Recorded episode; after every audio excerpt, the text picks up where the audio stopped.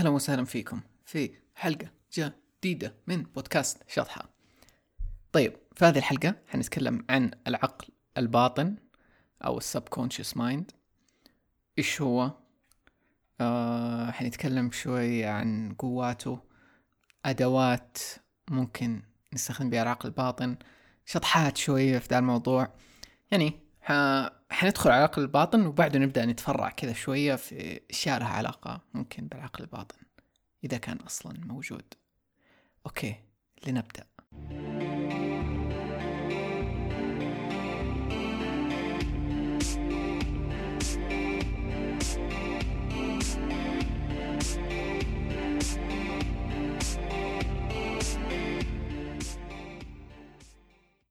Okay. لو خلينا ندي تعريف بسيط عن عقل الباطن أتوقع الأغلب بيعرف بس يعني عشان نكون كذا نوضح الأمور زيادة. طيب العقل الباطن دائما يقول لك إنه 90% من الدماغ هو العقل الباطن. آه، أحيانا في ناس يقولوا أكثر. آه مثلا يقولوا لك 95% فالعقل الباطن إيش فيه له؟ فيه له مشاعرك أطباعك تصرفاتك. تقريبا أغلب أغلب أو كل شيء أنت موجود في العقل الباطن. طبعا عكس العقل الباطن في اللي هو ممكن العقل الواعي. فعندنا الواعي واللاواعي ف لما نتكلم عن العقل الباطن إحنا بنقول إنه أغلب تصرفاتنا واحيانا ردات فعلنا جاية منه. وتركيزها آه النسبة حتجدوها إنه 95% وتركيزها كله من الطفولة. يعني كل دي الأشياء أصلا تتبرمج فيه من الطفولة. ودائما يقول لك كيف إنه أول سبع سنين للطفل مرة مهمة لأنه هي اللي يكون العقل الباطن حقه أو خلينا نقول العقل اللاواعي قاعد ياخذ كل شيء كل شيء قاعد ياخذه في ذي الفترة. أي شيء تقول له هو okay أهلا وسهلا هات. فالطفل قاعد يتبرمج في ذي الفترة. بعدها يبدأ يمكن يستخدم الواعي أكثر ويقل. اللاواعي خلاص يصير autopilot قاعد automated بيمشي لحاله كل شيء يتبرمج عليه. بيكمل عليه وهنا تيجي آه العلاقة بالتروماز أو الصدمات النفسية لأنه أغلب الصدمات النفسية اللي تصير للشخص تصير في طفولته وصعوبتها أنه هي خلاص تتحفر في. في. في العقل الباطن وأنت عشان تحلها تقعد تروح جلسات نفسية كثير وتحاول توصل للموضوع ومدري إيش أنا يمكن كذا مرة جبت سيرة أو مرة يمكن جبت سيرة الرايك هي طريقة أو method سواها محمد كيلاني لعلاج ال traumas أو الصدمات النفسية وأنا أشوفها يعني ثورية مرة. شخصيا أنا شفت الكورس كامل حقه موجود في اليوتيوب وقريت الكتاب حقه وطبقتها كثير أنا وصاحبي وممكن يوم نسجل عنها حلقة.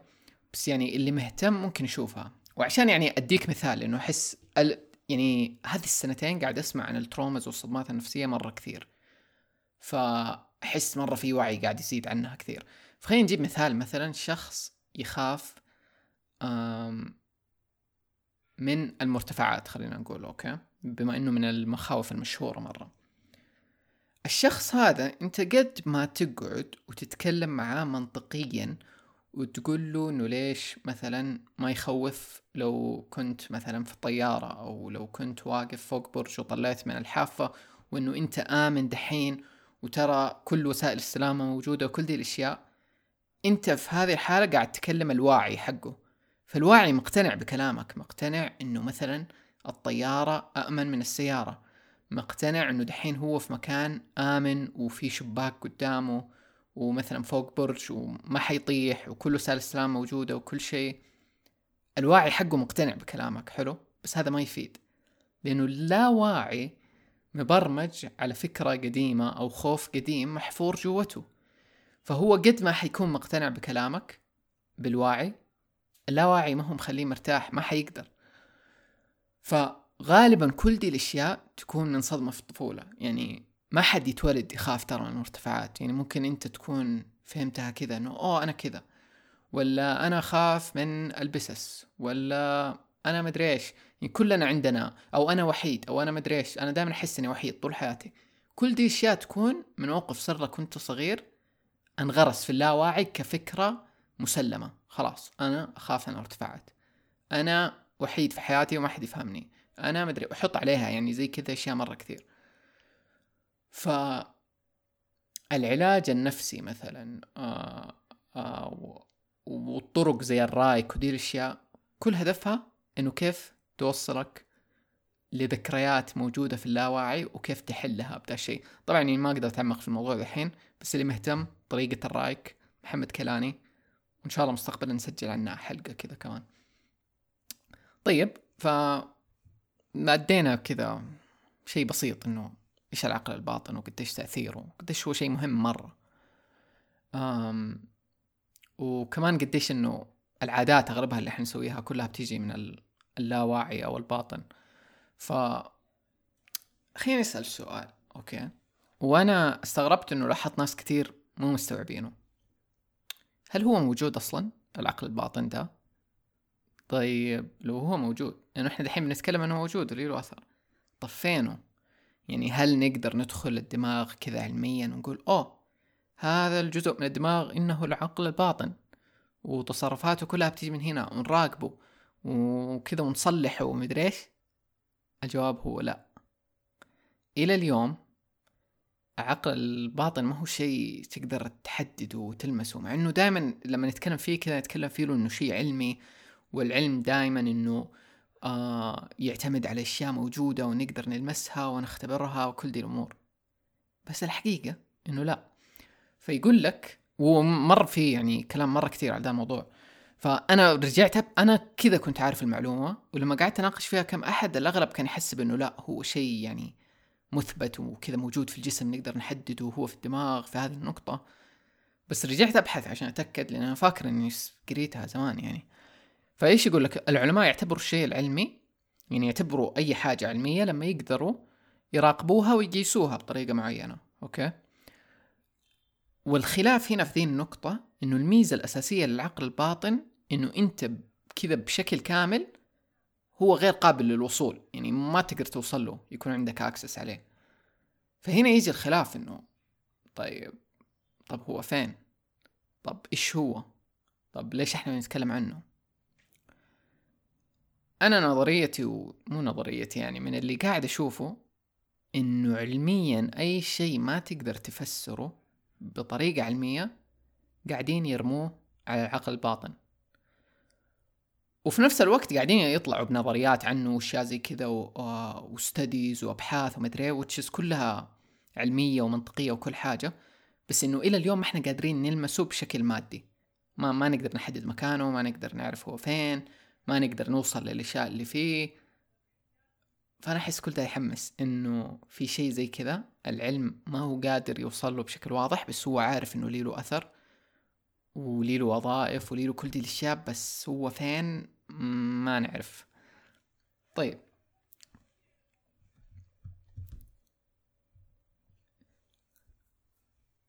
خلينا نكمل ونبدأ ندخل شوية في الأشياء الشاطحة. ونتكلم عن قوات العقل الباطن الأشياء اللي دائما نشوف الناس يرموها على العقل الباطن. وهي أغلبها أشياء قد تكلمنا عنها في شطحة. فمثلا التخاطر. التخاطر من الأشياء العجيبة يعني سجلت حلقة عنه. كيف لما أحيانا فكرة تنتقل من فك... آه، من دماغ شخص لدماغ شخص ثاني أو شخص يلقط على دماغ فكرة من شخص ثاني. طب كيف صار ذا الشيء؟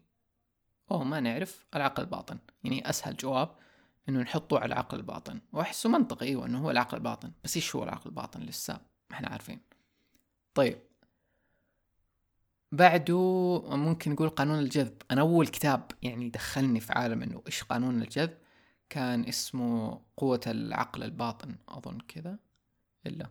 لكاتب اسمه جوزيف ميرفي. وتكلمت عنه في حلقة قانون الجذب. صراحة ما أنصح بالكتاب دحين لأنه أحسه يطفش شوية. يعني في كتب أحسن. تدخلك على قانون الجذب زي The Secret أو زي حلقة البودكاست اللي سجلناها. ف فقانون الجذب دائما يقول لك إنه وحتى أنا لما أقرأ إنه مثلا كتب قديمة وأغلب الكتب اللي أقراها كذا اللي كتب تطوير ذات ومدري إيش والناس أغنياء ومدري وحققوا اشياء في حياتهم ومدري أغلبهم بطريقة مباشرة أو غير مباشرة يتكلموا آه عن قانون الجذب بالعقل الباطن فيقول لك إنه أنت تقدر آه، تحقق الأشياء اللي تبغاها لما تؤمن فيها لما تشغل خيالك لما تؤمن لما تبغى شيء تقدر توصل له لما تحط شيء في بالك وفي دماغك تقدر تجيبه. دائما يتكلم عنه ودائما يقول لك العقل الباطن. فالجذب واحد من الأشياء. طبعا لما نيجي نتكلم إنه أوه الجذب طب يعني في تفاصيل مرة كثير بس يعني واحدة من الاشياء التركيز على الشيء اللي تبغاه والتركيز اللي يفعل مشاعر كويسة جوتك. منها مثلا من الأشياء اللي ممكن تساعد التوكيدات عشان كذا دائما تشوف ناس يحطوا توكيدات إيجابية واشياء زي كذا. لأنه أنت قاعد تحاول بطريقة ما تستخدم العقل الباطن لذا الشيء. لأنه العقل الباطن مرة يعني هو أداة تقدر تستعملها لمصلحتك. أي شيء تقول له هو أي شيء تديه هو حيتقبله. عشان كذا مرة مهم الطفل في ذا العمر اللي هو أول سبع سنين أنت تغذي عقله بأشياء كويسة. أنت تنمي المهارات اللي عنده أنت تقويه أنت تخليه يؤمن بنفسه وكل دي الأشياء. فهو تول رهيبة. وبرضه حتى لو إنه إحنا دحين يعني خلاص راح علينا السبع سنوات هذيك الرهيبة ومدري إيش اليوم نقدر نرجع نعيد تعريفه ونبرمج فيه الأشياء جديدة ونحل الأشياء القديمة. يعني عشان كذا أحس إنه إحنا في وقت مرة رهيب. إنه قاعد يطلع وعي لدي الأشياء أشياء زي الرايك أشياء غيرها قانون الجذب مدري إيش تدا يعني عندنا كل الأدوات. حنتكلم بعدين زيادة على هذا الموضوع. طيب واحدة من الأشياء برضو الثانية اللي أنا أحس ليها علاقة يعني بالعقل الباطن اللي هي المسل ميموري أو ذاكرة العضلة. دائما يقول لك إنه العضلات لها ذاكرة. هو يعني ما هو شيء مرة دقيق يعني في له اختلافات إنه يعني الذاكرة ما هي في العضلة نفسها. بس نقدر نسميها كأنها ذاكرة آه، العقل اللاواعي. فمثلا أنت لما تتعلم تسوق دراجة أو بسكليتة أنت تتعلمها مرة واحدة وبعدين خلاص. يعني دحين لو تجي لما أجي أجي أشرح لشخص مثلا كيف ممكن يسوق دراجة ما أعرف كيف أشرح له لأنه هي مبرمجة في عقلي الباطن وأسويها لا اراديا. ال keyboard مثلا. أنا من الناس لأني أكتب من زمان يعني أستخدم ال keyboard مرة من زمان. حرفيا أكتب عليه بدون ما أشوف. وحتى لو مثلا كان الجو ظلام أقدر أكتب 95% صح. يعني ما لخبط في الكيبورد لأنه اللاواعي حقي خاص حافظ أماكن الحروف والأشياء. سواقة السيارة مثلا ياما وياما. أي أحد يسوق أكيد قد صارت له ذا الشيء. إنه تكون تسوق السيارة مثلا رايح الدوام أو تفر وكذا تعدي مثلا ربع ساعة توصل المكان. بعدين تقول إيش صار في الطريق؟ كأني ما كنت مركز. ما أتذكر الإشارة ما أتذكر كيف لفيت ما أتذكر ما أدري. ليش؟ لأنه اللي مسك السواقه العقل الباطن. خاص هو عارف الطريق دائما بيسويه كل يوم. أخذ مسؤولية ده الشيء وأنت سرحت في عالم ثاني. أم إيش كمان؟ العزف. مرة مشهور. العزف من الأشياء كلها هذه أشياء مسل ميموري تعتبر وتتبرمج في العقل لا باطن. خاص أنت لو عزفت على آلة إيوه أول فترة إلى ما تتعود عليها بعدين حيصير شيء تلقائي خلاص من نفسك بتسويه. السباحة غيره كل هذه الأشياء يعني تدخل تحت ال muscle memory وأحس ليها علاقة بالعقل الباطن. طيب. من الأشياء كمان التخيل. أحس ده مرة مهم okay؟ هو تابع للي قبل اللي هو موضوع ذاكرة العضلة. مرة كثير أسمع عن موضوع أو مو مرة يعني كثير. المهم إنه أسمع على موضوع تنمية المهارات بالتخيل. وهذا شوية اللي له علاقة برضو بقانون الجذب. فمثلا أنت تبغى تتعلم تعزف بيانو okay؟ ف لما ما تكون بتعزف أو بس كذا قاعد ممكن تغمض عيونك وتتخيل نفسك وأنت بتعزف. وتتخيل إيش ال music اللي بيطلع من العزفة ذي ومدري أو لو في عزفة مرة صعب عليك تشوف نفسك إنك قادر تعزفها. وتنشط ذا الشيء بالخيال أنا أكثر شيء يمكن بحثت عنه في ذا الموضوع كان في الرياضة لأنه أنا مهتم في ذا الشيء ولقيت أمثلة على كذا كثير. واحد من الأمثلة كان ماني فاكر تفاصيل القصة بس كان إنه واحد بيحكي عن لاعب جولف انسجن كذا شيء عشر سنين حاجة زي كذا. وبس وهو كان لاعب يعني تقريبا محترف أو شيء زي كذا بس القصة قديمة يعني شوية يعني حتى سجنته أظن كانت شيء ظلم أو حاجة زي كذا بسبب حروب المهم الفترة هذه اللي انسجن فيها إيش سوى ذا الآدمي؟ طبعا هو في زنزانة في ما عنده أي مكان ما يقدر يلعب ما يقدر يسوي أي شيء. فطول الفترة هذه اللي كان مسجون فيها كان يتخيل إنه بيلعب جولف. ويتخيل الضربات اللي بيسويها ويعني ويصرف كل وقت ما عنده شيء يسويه يصرف كل وقته في التخيل ده بعد بعد ما طلع من الأشياء اللي كان يقولها في القصة إنه رجع يلعب كأنه ما قطع أول شيء. اثنين حطم records كانت عنده قبل. يعني صار أقوى. وهذا الشيء أنا دائما كنت أسمعه بس ما كنت فاهمه. بسبب دي القصة أحس إني فهمته. فحتى الناس اللي يجروا العدائين ال runners برضو من الناس اللي يسووا دي التمارين التخيل. ف ففي شيء يقول لك إنه لما أنت تسوي التخيل بدماغك اللاواعي ما يفهم ما يفرق بين الحقيقة والمو حقيقة. فهو حيعتبر إنه أنت قاعد تسوي دي التمارين وحيشغل كأنه النقاط اللي في مخك اللي لها علاقة بدي العضلات ويحفزها. أحسه شيء مرة رهيب. وما أحسه طبعا إنه شيء إنه أوه خلاص مو لازم أروح الجيم خلاص مو لازم أسوي رياضة. كل شيء حسويه بالتخيل مو لدي الدرجة بس إنه جزء مهم أحس وجزء مرة مهم يساعد في تطوير المهارات. فأنا دحين قاعد ألعب رياضة جديدة وأبغى أتطور فيها. فمثلا في أشياء مرة كثير صعبة علي في البداية. فلو ماني عارف أسويها أقعد كذا لما يكون عندي وقت أقعد أتخيل إنه مثلا جيتني الضربة ذي الصعبة وقدرت أسويها. بس أتخيل إني سويتها.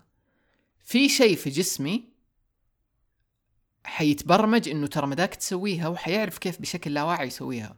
لأنه زي ما قلنا أغلب دي الأشياء اللي تدخل في الرياضة في العزف في المهارات دي في الرسم أغلبها لا واعي قاعد يتسوى. فلو أنت دربت اللاواعي عليها والعضلة نفسها حتسهل في الحقيقة.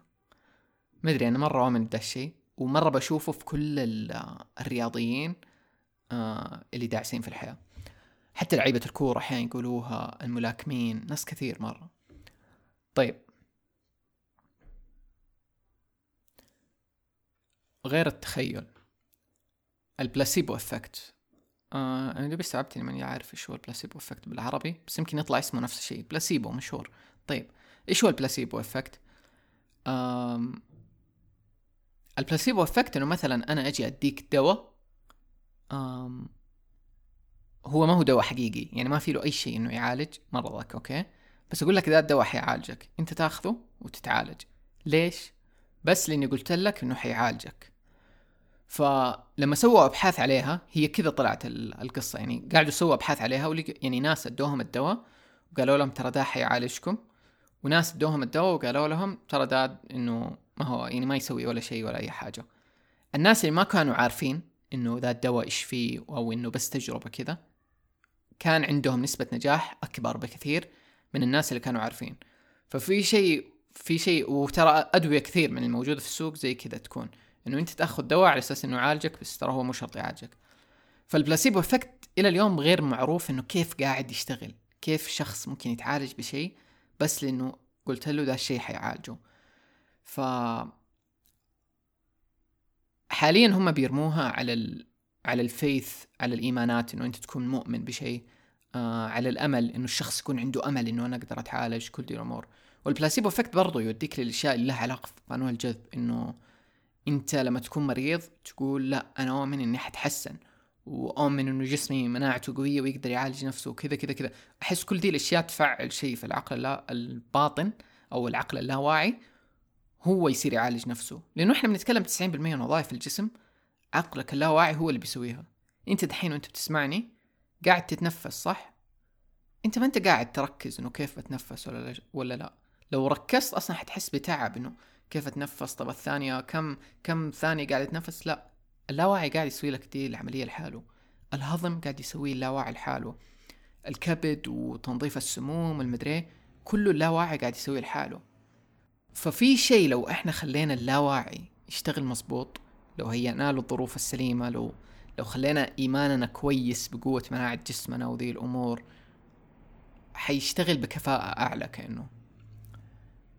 طيب كل هذه الأشياء إحنا قلناها تقريبا ما لها تفسير علمي تخاطر جذب التخيل وتنمية المهارات ال placebo effect كلها أشياء اليوم يعني بشكل علمي دقيق ما نقدر نفسرها أوكي؟ ونرميها مثلا على العقل الباطن وغيره. بس أنا أحس حيجي يوم ذي الأشياء حتصير علمية يعني اللي يفرق عنها إنها تكون علمية أو مو علمية هي إنه اليوم ما نقدر نفسرها. ف وأنا هذا في شيء يعني قد جاني كم مرة إنه أحد يقول لي إنه ليش أنت تكره العلم وتحب بس الروحانيات ومدري إيش؟ أنا ما أكره العلم بالعكس يعني قبل لا أطيح في أشياء الروحانيات وكذا كنت مرة أحب العلوم العلوم يعني بشكل أساسي والعلوم الشاطحة يعني شوية. ف فاليوم أنا أحس إنه يعني أحب مرة أجمع الأشياء اللي تجمع بين العلم والروحانية في نفس الوقت يعني ما تفصل واحد منهم. ف ففي قناة في اليوتيوب مرة أنا أحبها اسمها Spirit Science أو لو بترجم اسمها فهي الروح والعلم كأنه. فهي تجمع بين الاثنين وتؤمن انهم شيئين يكملوا بعض. يعني أصلا ما هم شيئين منفصلين. فأنا عشان كذا أقول إنه الشيء اللي يفصل الأشياء الروحانية أو الشاطحة آه، من إنها تكون علمية هو إنها بس ما ما قدرنا نفسرها لسه. وزائد يعني زي أي شخص يعني في ناس تحب الأشياء العلمية أكثر في ناس تحب الأشياء الروحانية. يعني أنا أحس إني أحب الأشياء الروحانية 70% والأشياء العلمية مثلا 30% فأحب أركز على الروحانية أكثر وبرضه أحب أشوف العلمية يعني ما ما أفصل بينهم ولا أحب أقول إنه أوه ذا بس ولا ذا لا. فأحب الاثنين يعني مع بعض. طيب. خلينا ندخل شوية زيادة أوكي. آه عندي نظريات شوية عن العقل الباطن من الأشياء الشاطحة اللي أقراها وكذا. فخلينا ندخل في إنه كيف العقل الباطن هو أداة أو تول ممكن نستخدمها. خلينا أول شيء نقول إنه يعني أنا واحدة من النظريات اللي مرة تعجبني إنه يقول لك العقل أو الدماغ هذا هو أداة مشبوكة مع الكون. أوكي؟ فخلينا نتخيل لو إنه في مجال حول الأرض مثلا بشكل مبسط أوكي؟ عقلك بشكل ما شابك على هذا المجال. في ناس يسموه ال Akashic record. آه كأنه أرشيف أو archive في له كل كل الأشياء اللي قد صارت لك كل التجارب اللي قد مرت فيها سواء في ذي الحياة أو حياة ثانية لو كنت تؤمن يعني بالحياة الثانية. آه خلينا نقول إنه ده المجال كمان في له كل المعلومات عن الأرض وإيش صار عليها ويمكن آه عن أماكن ثانية في الكون. فكأنه server كبير أوكي؟ أو مكتبة كبيرة. وخلينا نقول في نفس الوقت إنه العقل عنده رابط بيها. خلينا نسميه رابط wireless كذا. ما, ما هو مشبوك بسلك لا. wirelessly أنت شابك على هذا المجال أوكي؟ بسبب هذا الشيء أنت حيكون عندك وصول لمعلومات مرة كثيرة وأشياء مرة كثيرة. وفي ناس حتى تاخذها لدرجة دحين يعني من النظريات اللي قريب بتطلع ويمكن مستقبلا حنشوفها علمية ومثبتة إنه أصلا الذاكرة ما تتخزن في الدماغ. و... والنواقل العصبية في اللي في الدماغ هي توصل لدا المجال اللي في الكون اللي مخزن فيه الذكريات وأشياء ثانية. فكون إنه ذاكرتك في دماغك قاعد يصير شوية مفهوم قديم. ومفهوم ما هو علمي يعني. وصراحة ما أدري يعني مرة الموضوع حساس دحين وممكن يجيني مشاكل بسببه بس يعني دائما أقول هذا شطحة وأحب أتكلم عن دي الأشياء. فخلينا ناخذها كنظريات دحين. وبالذات لو يعني أغلب اللي بيسمعوا البودكاست أنا متخيل يعني ناس زيي في الروحانيات والأشياء الشاطحة دي. فلو إحنا بنقول إنه إحنا في يوم كلنا حنموت أوكي؟ و... ولو كنت تؤمن بتجربة روحية بعد دي الحياة ف وتؤمن إنه تجاربك تتراكم. طيب فإذا تجاربي تتراكم وأنا ممكن في يوم أتذكر دي الحياة واللي صار فيها معناته هي ما هي مخزنة هنا ما هي مخزنة في ذات الدماغ يعني ممكن في شوي ممكن في شوية memory منها بس هي أكثر كأنها في cloud زي اليوم لو نخزن إشياءنا في cloud هي كأنها في cloud ودماغك قاعد يشبك على ذا ال cloud حلو احس التعريف طيب. خلينا ندخل في واحدة من أشياء يعني من الأدوات هذه اللي ممكن إنها تكون تشبك على الكون ده أو المجال هذا. البندول. البندول واحدة من الأشياء المشهورة. أنا عرفت عنه قبل مدري ست سنين شيء زي كذا ممكن تبحث عنه في اليوتيوب. basically هو إنه تمسك يعني لو فهمت البندول دحين من اسمه كويس بس لو ما فهمت تمسك شيء زي الحبل كذا. ومثلا يكون فيه له حجرة أوكي؟ وأنت تستخدم دي الحجرة بطريقة معينة عشان آه عشان تشبك بالعقل اللاواعي أو العقل الباطن أوكي؟ فالإيمان إنه العقل الباطن قوي مرة لدرجة إنه يعرف أشياء مرة كثيرة. فمثلا ممكن أمسك البندول أو الحجرة وأسأل مثلا سؤال إنه هل صاحبي صاحي ولا نايم؟ عشان بدق عليه مثلا. وأسأل السؤال. وعن طريق حاجة حركة الحجرة أو البندول هذا أنا أكون مبرمجه إنه مثلا لو تحرك من قدام لورا معناته نعم لو تحرك من اليمين لليسار معناته لا. وطبعا في تدريبات إنه كيف كذا تبرمجه ومدري إيش وبعدين تبدأ تسأل دي الأسئلة وجزء مهم مرة من إنك تشبك مع العقل اللاواعي إنك تفصل الواعي. فمثلا أنا يعني حاليا ما زلت يعني أعاني مع دي الأشياء شوية. إنه إنه الواعي يدخل عليك. فمثلا أنت تبى تجذب شيء ولا تبى تتواصل مع العقل الباطن الواعي حيدخل ويقول لك يا حبيبي من جدك أنت؟ أصلا ما في شيء اسمه كذا. ولا مثلا أنا متخيل أنا بسأل إنه هل صاحبي صاحي دحين ولا لا؟ بس الواعي حقي منطقيا قاعد يقول بما إنه الساعة مثلا خمسة العصر هو أكيد صاحي دحين فيتدخل في الجواب. بينما هو ممكن يكون نايم. فتحتاج توصل لمرحلة كذا إنه تقدر تسكت الواعي عشان توصل دي الأمور. وفي ناس يعني متمرسين في ذا الشيء أكثر من ناس ثانيين. فالبندول واحد من دي الأشياء اللي في ناس كثير يستخدموه عشان يوصلوا مثلا أو يستخدموا العقل الباطن عشان يوصلوا لدي الأشياء. غيره مثلا الأحلام. الأحلام مرة مشهور إنه هي جاي من العقل الباطن دائما يقول لك. والأحلام شيء أسطوري. مليون مرة أقول ده الشيء.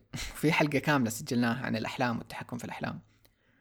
ف الأحلام من الأدوات اللي بدك تستعملها لأنه أنت على طول تكون شابك باللاواعي مباشرة لأنه هو يبدأ يديك الأحلام ويسوي لك أفلام أسطورية أقوى مخرجين الحياة يمكن ما يقدروا يقربوا منها.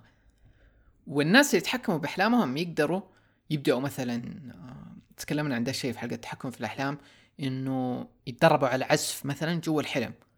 وبعدين لما يصحوا في الحقيقة نفس الاشياء اللي تعلموها بدهم يرجعوا يطبقوها في الحقيقة. وأشياء زي كذا زيادة. يعني أحس برضو التحكم الأحلام من الأشياء اللي بدك تستخدمها عشان توصل للعقل الباطن وتفك رموز منه أو تستعمل حتى حل... لو إنك ما تتحكم في أحلامك. يعني أنا ما أتحكم كثير مو كثير تجيني أحلام أتحكم فيها. بس تقدر تستعمل تفسر أحلامك وتفك الرموز اللي فيها عشان تفهم اللاواعي وتفهم إيش فيه وليش هو بيفكر كذا وغيره. يعني هذا أشهر شيء عن فرويد لما هو بدأ الثورة في العقل اللاواعي والأحلام. بعد وغيره من الأشياء ما أحس ممكن تدخل الإسقاط النجمي في الموضوع. يبغى لنا حلقة عن الاسقاط النجمي لحاله صراحة.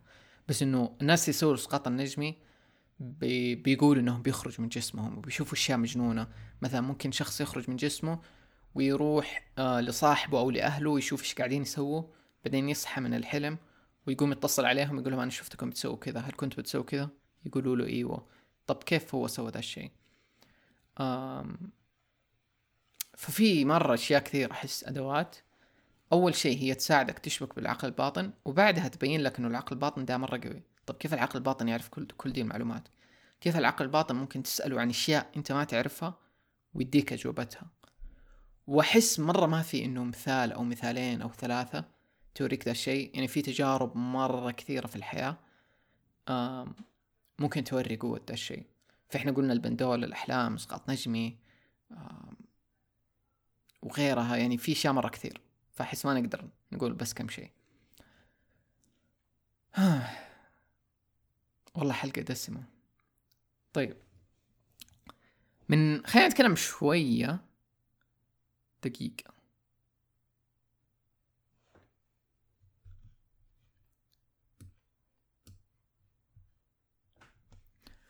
كان في قريب مرة قريب أوكي؟ محباتشي حكاني عن يعني بالصدفة حتى ما أدري ليش حكاني. حكاني عن رسام أوكي؟ رسم رسم الميسي.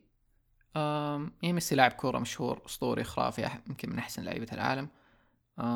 رسم رسم الميسي وهو قاعد يلعب آه كورة وحوله مثلا أربعة لعيبة قاعدين يحاولوا يعرقلوه أو يوقفوه أوكي؟ وهذا مشهد مرة مشهور لأي أحد يعرف ميسي.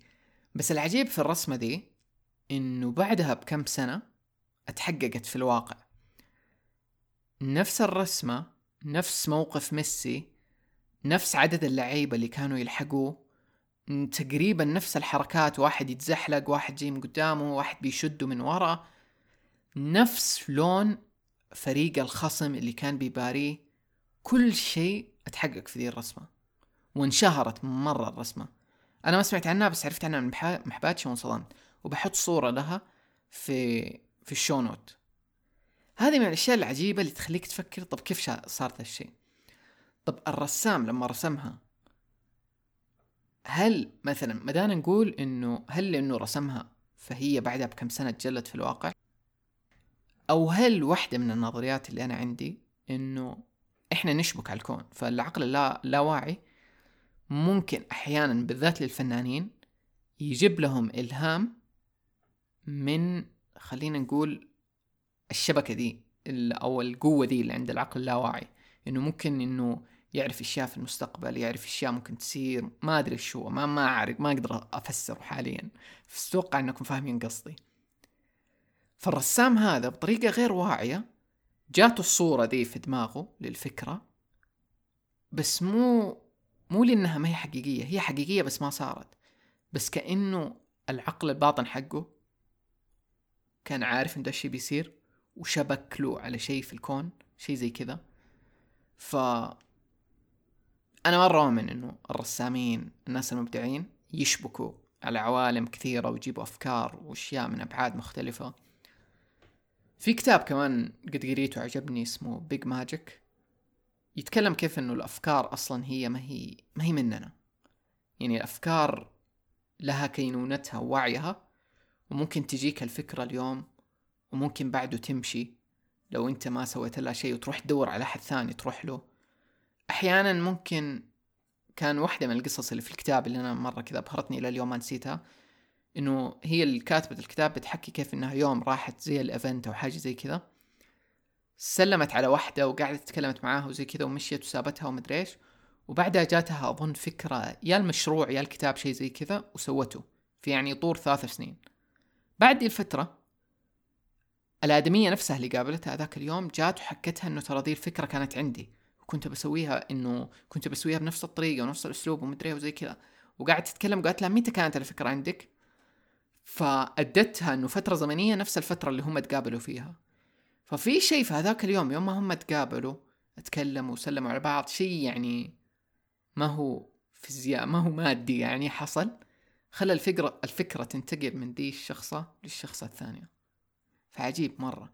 عشان كذا لما تجيك أفكار أشتغل عليها ولا لا ترميها لأنه مرة أنا أؤمن إنه أفكار تروح لأحد ثاني. ودائما أسمع ده الشيء أو ألاحظه حتى في حياتي. إنه تكون عندي أفكار بعدين بعد فترة يجي أحد يسويها ويقول والله كانت عندي نفس الفكرة بالضبط. كانت حتكون أسطورية مشروع ناجح بس لا أنا ما سويتها. فالفكرة ما حتستناك حتروح لأحد ثاني. بس يعني مو لدرجة إنه تتوتر يا الله لازم أسويها دحين. المقصد إنه لو سبت الفكرة سنة سنتين أكثر وات يعني ما تحمست عليها وسويتها أكيد حتروح يعني. طيب. خليني أحاول أخلص ذي الحلقة. أم... يعني ما بقي كتير. خلينا نتكلم إنه هل بيفيدك العقل اللاواعي ولا العقل الباطن؟ الجواب إيوه أكيد. يعني تسعين بالمية زي ما قلنا من أنت إيش هو العقل الباطن. فالعادات اللي أنت بتسويها اليوم كلها جاية منه. فخلينا نقول إنه في عادات ما نبغاها أوكي؟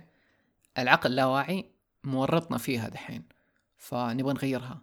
هنا يجي ال part إنه نستعمل الوعي فالوعي ليه له فايدة؟ الوعي ممكن يساعدك تبرمج اللا... اللاواعي ف فمثلا العادات اللي أنت ما تبغاها صير واعي لها أكثر أو خلي عموما عندك وعي أكبر وحضور أكبر آه في لحظتك. مثلا واحدة من أشهر الأشياء حتى كنت قريب بتكلم مع أخويا آه إنه ال social media آه والجوال تحديدا إحنا دائما بشكل لا واعي بنمسك الجوال ونفتحه طول اليوم عشان نشيك. أو في notification أو في أحد ارسل لي أو طب خليني أشيك تويتر أو طب خليني أشيك إنستغرام.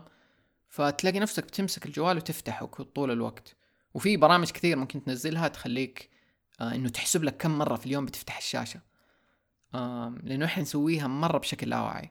هذه العادة أنا شخصيا يعني أعتبرها سيئة. بتقلل تركيزي بتقلل حضوري بتخليني منشغل بتخليني أدور على شيء. فمثلا أنا ما أبغاها حصير واعي أكثر. فمثلا أول شيء حسويه مثلا حشيل إنستغرام من الهوم بيج عشان لما أفتح الجوال وعقلي مثلا برمج إنه بدخل إنستغرام ولا تويتر ولا واتساب حيفتح حيجي يدور على دي البرامج ما حيلاقيها فحستوعب أنا هنا فحصير واعي أكثر. فحخليها مثلا بعيدة عشان ما أوصل لها إلا بوعي ما حفتحها بدون وعي أوكي؟ آه في برامج ممكن تنزلها تسوي لك lock لل screen يعني. آه تصير ما تقدر تفتح البرنامج إلا لو مثلا في وقت معين أو مرتين في اليوم شيء زي كذا. هذه كلها اشياء حتزيد مع الوعي. ال meditation طبعا يعني والتأمل من الأشياء اللي تزيد وعيك للأمور وغيره يعني. ف النصيحة إنه كيف تستفيد من ذا الشيء إنه تصير واعي أكثر لعاداتك أول شيء المبرمجة. فالأشياء الكويسة اللي أنت تبغاها خليها مبرمجة. الأشياء اللي تبغى تغيرها أبدأ أفكر فيها إنه كيف حغير دي الأمور. وبرمج عادات جديدة. دائما مو يقول لك 21 يوم عشان تبرمج عادة.